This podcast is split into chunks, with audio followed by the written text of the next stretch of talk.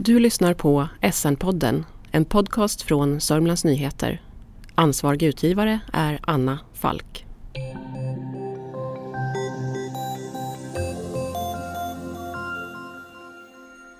Alla talar om vargen av Veronica Skärlund.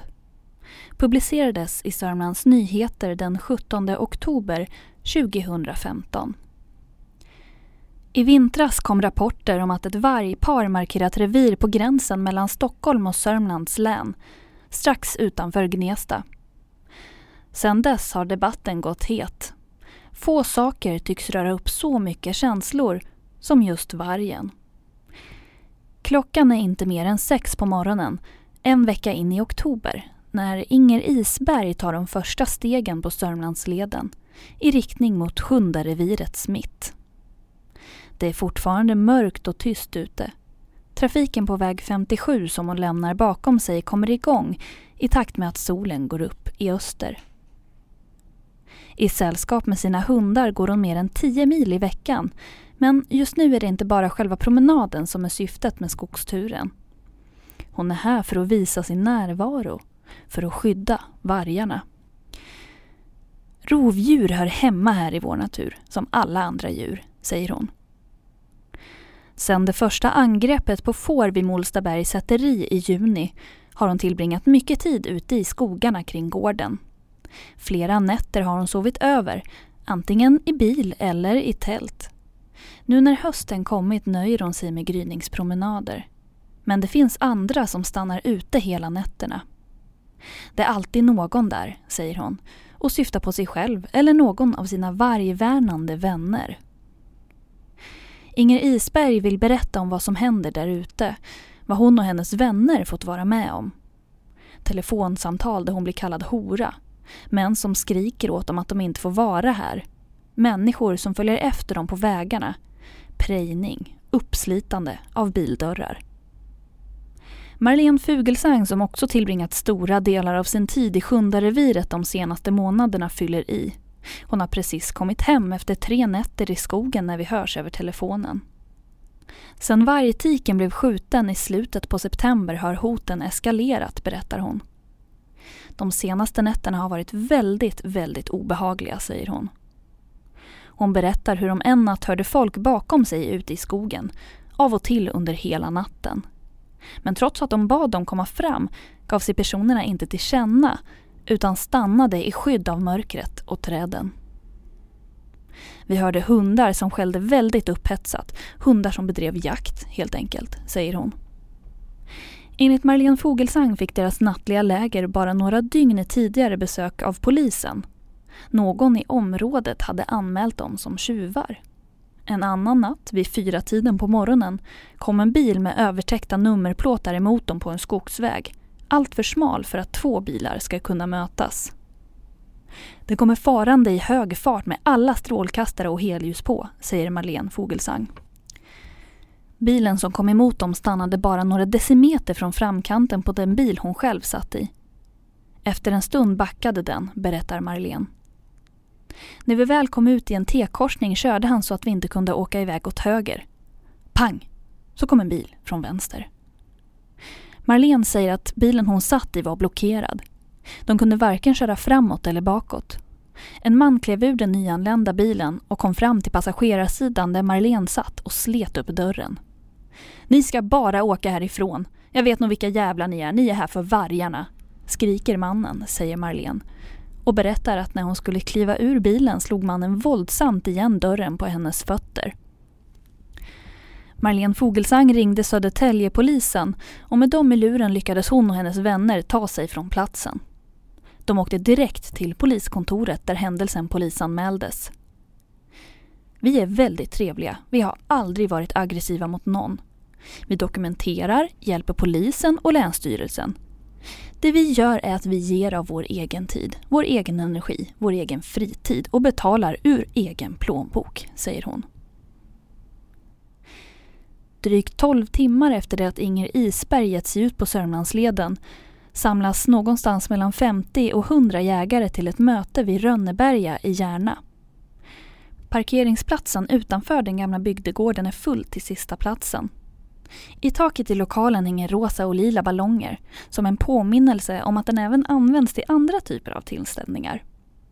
Ikväll är det Svenska Jägareförbundet Södertälje som har bjudit in till informationsträff med rubriken Älg, vilt, varg, hund. Även om tiken är borta här nu så kan det komma nya vargar, säger Per Zachariasson, jaktvårdskonsulent och en av dem som håller i mötet och hänvisar till erfarenheter från andra platser i Sverige.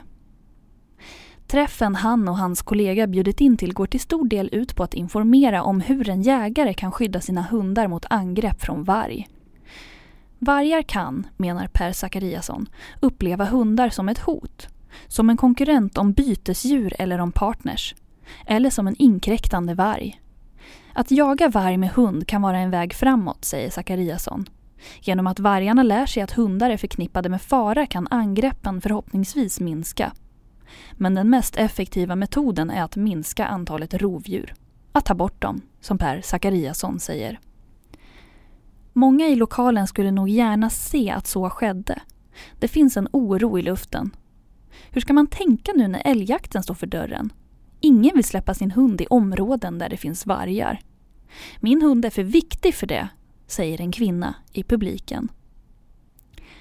Den 14 augusti fattade Länsstyrelsen i Stockholm beslut om skyddsjakt på en vuxen varg i Sjundareviret. Men beslutet kunde inte verkställas och från jägarnas synvinkel är det uppenbart att det beror på att det var så mycket folk. Vargvärnare, eller vargkramare som vissa skulle välja att kalla dem, i rörelse i området. Någon i publiken på bygdegården frågar om mänsklig närvaro i reviret kan göra vargarna mindre skygga. Per Zachariasson tror det. Jag vet inte men jag tror att det är jättedåligt att djur exponeras för människor, säger han. Jägarna som utsätts att genomföra jakten polisanmälde störningarna.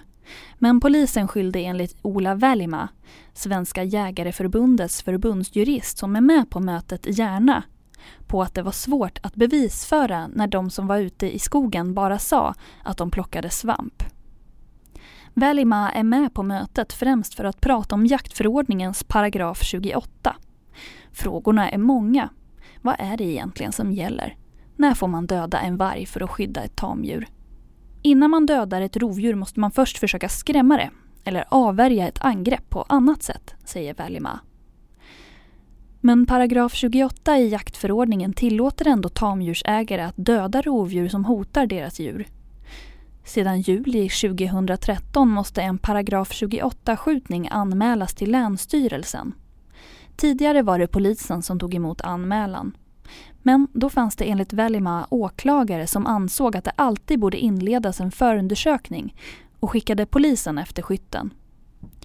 Det blev vi förbannade på och lyckades få till att anmälan ska lämnas till Länsstyrelsen istället.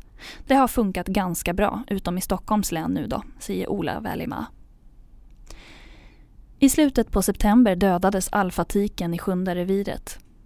Skytten hävdade att han agerat för att skydda sina tre hundar som var med honom vid tillfället. Länsstyrelsens besiktningsmän kom fram till att allt skett i enlighet med lagen och alltså polisanmäldes inte skotten. Trots det tog Christer B Jarlås, åklagare vid Riksenheten för miljö och arbetsmiljömål, initiativ till en husrannsakan av skyttens hem. Mannen som skjutit vargen delgavs också misstanke om grovt jaktbrott. Jarlås ville inte motivera sitt agerande med mer än att det redan pågick en förundersökning om jaktbrott i Sjunde reviret. Det här var en händelse som gjorde att vi var tvungna att agera i den utredning vi hade utan att kommentera närmare varför, säger han dagen efter skotten. Åklagare Jarlås hör, enligt Ola Välima, till de som alltid väcker åtal. Det påstås att det lagts ut kött i reviret och att det utfästs en belöning för den som skjuter en varg, säger Ola Välima. Det där är bara en massa skitsnack, hörs det från publiken. Risken med den typen av följder är att ingen kommer vilja anmäla sig själv i framtiden, menar Ola Välima. En fråga ställs om varför vargen ska finnas överhuvudtaget. Gör den någon nytta? Det är lite som att ha inbrott hemma, man kan plötsligt inte slappna av. Jag har fönstret öppet så att jag hör hur fåren bräker, säger en man i publiken som uppger att han har ett 50-tal får på sin gård om känslan av att bo i ett vargrevir. Anders Nilsson möter upp i receptionen i laggorn på Östermalma där Svenska jägareförbundet har sitt huvudkontor. Han är jaktvårdskonsulent med ansvar för Sörmland. Det var honom som Länsstyrelsen i Stockholm utsåg till jaktledare för skyddsjakten i Sjundareviret. Tillsammans med två biträdande jaktledare utsåg han det jaktlag som sedan satt på pass i skogarna kring Molstaberg. Under de fyra veckor som jakten pågick var de aldrig i närheten av att skjuta någon av vargarna. Till en början kom det in observationsrapporter från närboende. Men mot slutet av perioden tycktes vargarna befinna sig någon annanstans och mycket riktigt revs också får på en gård i Hölö. När jaktperioden var över var det inget annat att göra än att packa ihop och åka hem. Jag kan ju tycka att det var lite synd att man inte tog någon hänsyn till de synpunkter som kom in i överklagandet. Att man begränsade jakten till fastigheten, säger Anders Nilsson så här i efterhand. Länsstyrelsens beslut om skyddsjakt innehöll begränsningar gällande både det geografiska jaktområdet och vilka metoder som fick användas. Jakten fick bara bedrivas inom ett område kring den hårdast drabbade gården och enbart vakjakt var tillåtet. Anders Nilsson menar också att det faktum att området var så specificerat gjorde att närvaron av aktivister som ville stoppa jakten ökade. De visste precis vart de skulle bege sig. Enligt Anders Nilsson och Jägareförbundets uppfattning handlar skyddsjakt om att avliva en skadegörande individ så snabbt och effektivt som möjligt. Nu var inte det möjligt och det innebar en enormt påfrestande situation för markägarna, menar Anders Nilsson, som ser sig själv mest som ett verktyg i sammanhanget. När Göran Åström, miljödirektör vid Länsstyrelsen i Stockholm, uttalade sig i P4 Stockholm och sa att myndighetens syfte inte var att döda vargen utan att skydda tamdjuren blev det starka reaktioner inom jägarkåren. När tiden gick ut undrade vi hur lång tid det skulle ta innan de packar ihop och åker iväg, de här som var där för att skydda vargarna. Det tar nog inte många dagar innan vargen är tillbaka och tar djur, sa vi. Och det var ju precis vad som hände. Nu när tiken skjutits spekuleras det i huruvida vargarna kommer att bli kvar eller inte. Finns det valpar i reviret är situationen för jägarna ju i princip oförändrad, säger Anders Nilsson. Han har inte upplevt några hot kopplade till skyddsjakten i Sjunde reviret. Men han vet att kollegor i andra län blivit utsatta. Han har heller inte hört talas om att det skulle ha varit aggressiv stämning under själva jakten. Peter W Eriksson är inte det minsta förvånad över vad som händer i Sjunde reviret just nu. Han hade snarare förutspått det. Han bor i trakterna kring Riala utanför Norrtälje och har upplevt en splittring ett vargrevir kan ge upphov till på nära håll. Han berättar att han alltid varit intresserad av djur och att han en gång i tiden hade en vapenbutik. Men nu var det flera decennier sedan han jagade. Rovdjur har alltid fascinerat honom men det var först när han i slutet av 00-talet plötsligt bodde mitt i ett vargrevir som han blev engagerad, på riktigt. För min del känns det som att om det ska finnas rovdjur för kommande generationer så måste någon stå upp för dem. Under några år hjälpte han Länsstyrelsen att spåra och leta spillning och fortfarande idag säger han att han lägger all sin fritid på rovdjuren. Så pass mycket att hans fru nog tycker att han lagt mer tid på vargarna än på sina barn. Mellan 2009 och 2013 försvann totalt fyra vargar i området kring Riala. På Länsstyrelsen i Stockholms hemsida står att man inte vet vad som hänt med vargarna i reviret men att inget pekar på att deras försvinnande orsakats av något brott. Peter W Eriksson berättar att han fått höra att en av valparna ur den första kullen som föddes i reviret lurades in i en hönsgård och slogs ihjäl med ett vedträ. Det kan stämma, men det behöver inte göra det, säger han.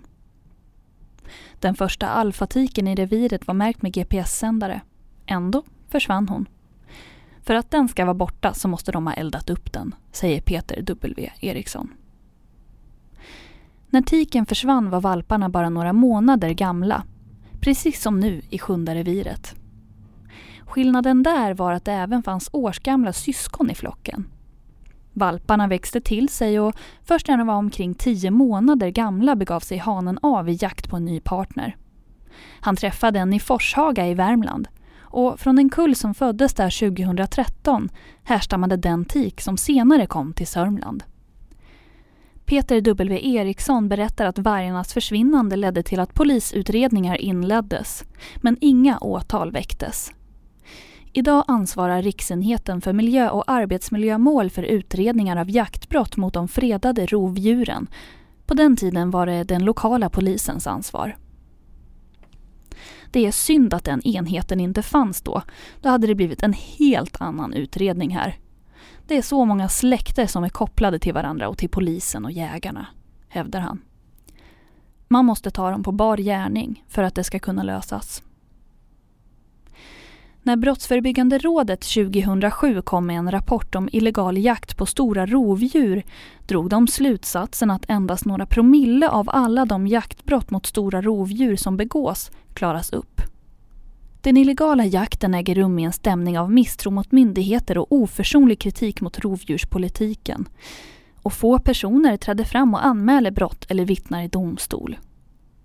Eftersom rovdjurspolitiken är ifrågasatt finns det ett indirekt stöd för den illegala jakten, stod att läsa i rapporten, vilken fick undertiteln Konflikt i laglöst land. I Riala växte motsättningarna med tiden. Peter W Eriksson berättar att kött marinerat i glykol lades ut. Något som leder till en plågsam död för den som äter det, oavsett om det är en varg eller en hund. Han säger också att rovdjursstängslet längs motorvägen klipptes upp på ett 50-tal ställen och att färskt rådjurskött lades ut på insidan av stängslet för att locka ut vargarna på motorvägen. Vad de som ville ha kvar vargreviret gjorde säger han inte så mycket om. Men han liknar grupperingarna vid två gäng ligister. Det var helt galet. Det hände jättemycket konstiga grejer. Sjundareviret är ju bara i sin linda. Det kommer eskalera, säger han. Hur kommer det sig då att just vargen rör upp så mycket känslor? Gillis Herlitz är etnolog och en av författarna till boken Vargen, hatobjekt eller kramdjur. Vargen är en symbol, den är inte bara ett djur, säger han. I vargarna, menar han, kanaliseras kampen mellan de med makt och de som saknar den. Mellan beslutsfattare och glesbygdsbefolkning. Förenklat är det jägarna och miljörörelsen som står emot varandra Två grupper som hämtar sin information från helt olika källor. Jägare läser inte vetenskapliga rapporter, de tror inte på dem. De bygger sin kunskap på egna iakttagelser och snack i omgivningen, säger Gillis Herlitz. Enligt honom handlar det i grund och botten om människans förhållande till naturen. Om människan är överordnad naturen så har man också rätt att skjuta bort vargen. Är vi däremot en del av naturen så har vi ingen rätt att överhuvudtaget ingripa mot djur. För människor som har naturen som fritid, framförallt då de som bor i stadsmiljö, kan vargen vara ett spännande och exotiskt inslag. Har man däremot naturen som nytta, som lantbrukare och jägare, så är vargen främst ett problem. Samtidigt påpekar han att det säkerligen finns massor av jägare som är positiva till vargen och många i miljörörelsen som är kritiska till kategoriska uttalanden om vargens plats i samhället. Historiskt sett har vargen sett som listig, grym och blodtörstig, berättar Gillis Herlitz. Vargen var ett gissel för människor med boskap och hundar och på 1200-talet riskerade den som inte deltog i jakten på varg böter. Och under 1900-talets första hälft var det svenska statens uttalade vilja att utrota vargarna. Det var skottpengar på varg. De såg som skadedjur. Först 1966 ändrades den officiella inställningen. Men då fanns det inte längre någon vargstam värd namnet att tala om. Under en period var vargarna i stort sett utrotade från Skandinavien. Utvecklingen vände 1983. Då föddes en första överlevande valpkull i värmländska Nyskoga. Idag stammar alla vargar i Sverige och Norge från sju invandrade grundarvargar. Enligt Naturvårdsverket fanns det under vintern 2014-2015 omkring 415 vargar i Sverige. I början på oktober kom myndigheten med en ny rapport som slog fast att det behövs minst 300 vargar för att stammen ska hållas livskraftig. I början på oktober kom myndigheten med en ny rapport som slog fast att det behövs minst 300 vargar för att stammen ska hållas livskraftig. En höjning med 30 vargar mot tidigare prognoser. Vad sen politikerna gör med den informationen återstår att se. Himlen över Sjundareviret färgas svagt rosa. Först när solen gått över trädtopparna lättar frosten och dimman över sjöarna och de öppna markerna. Inger Isberg berättar att hon är medveten om att hennes namn förekommit på olika Facebookforum. Vissa tycks ha som sitt främsta syfte att smutskasta meningsmotståndare. Det gör henne ingenting. Snarast känner hon sig hedrad. Inte heller är hon rädd när hon är ensam ute i skogen. Trots alla hot och aggressioner. De vill bara skrämmas, säger hon.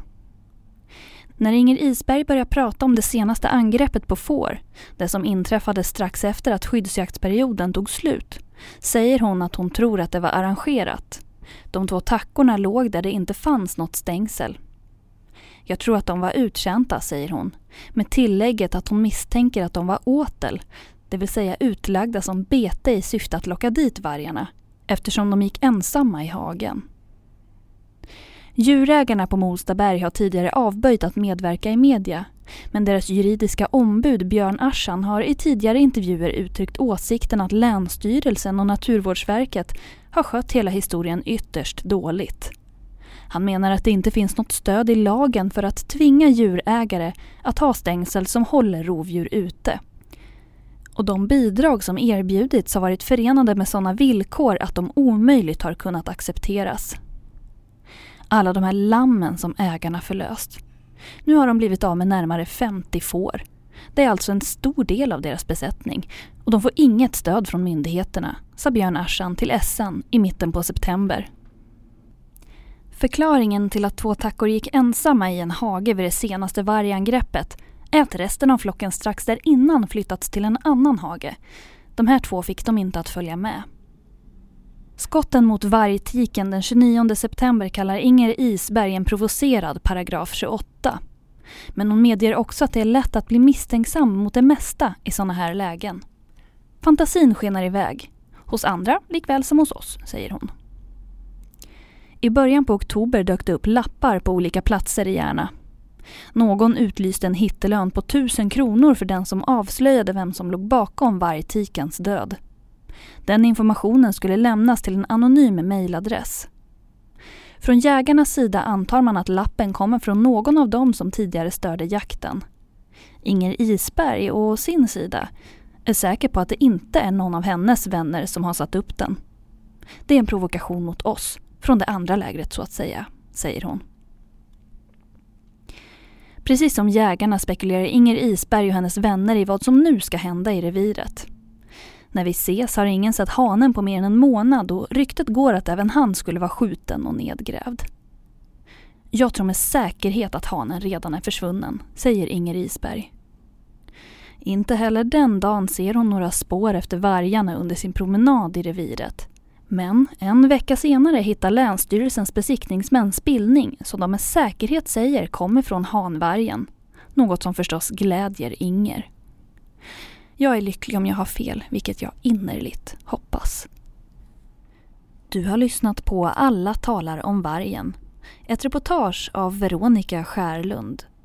Den publicerades i Sörmlands Nyheter den 17 oktober 2015. Uppläst av Maja Edsö.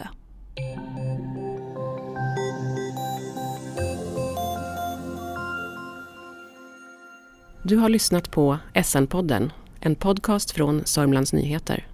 Ansvarig utgivare är Anna Falk.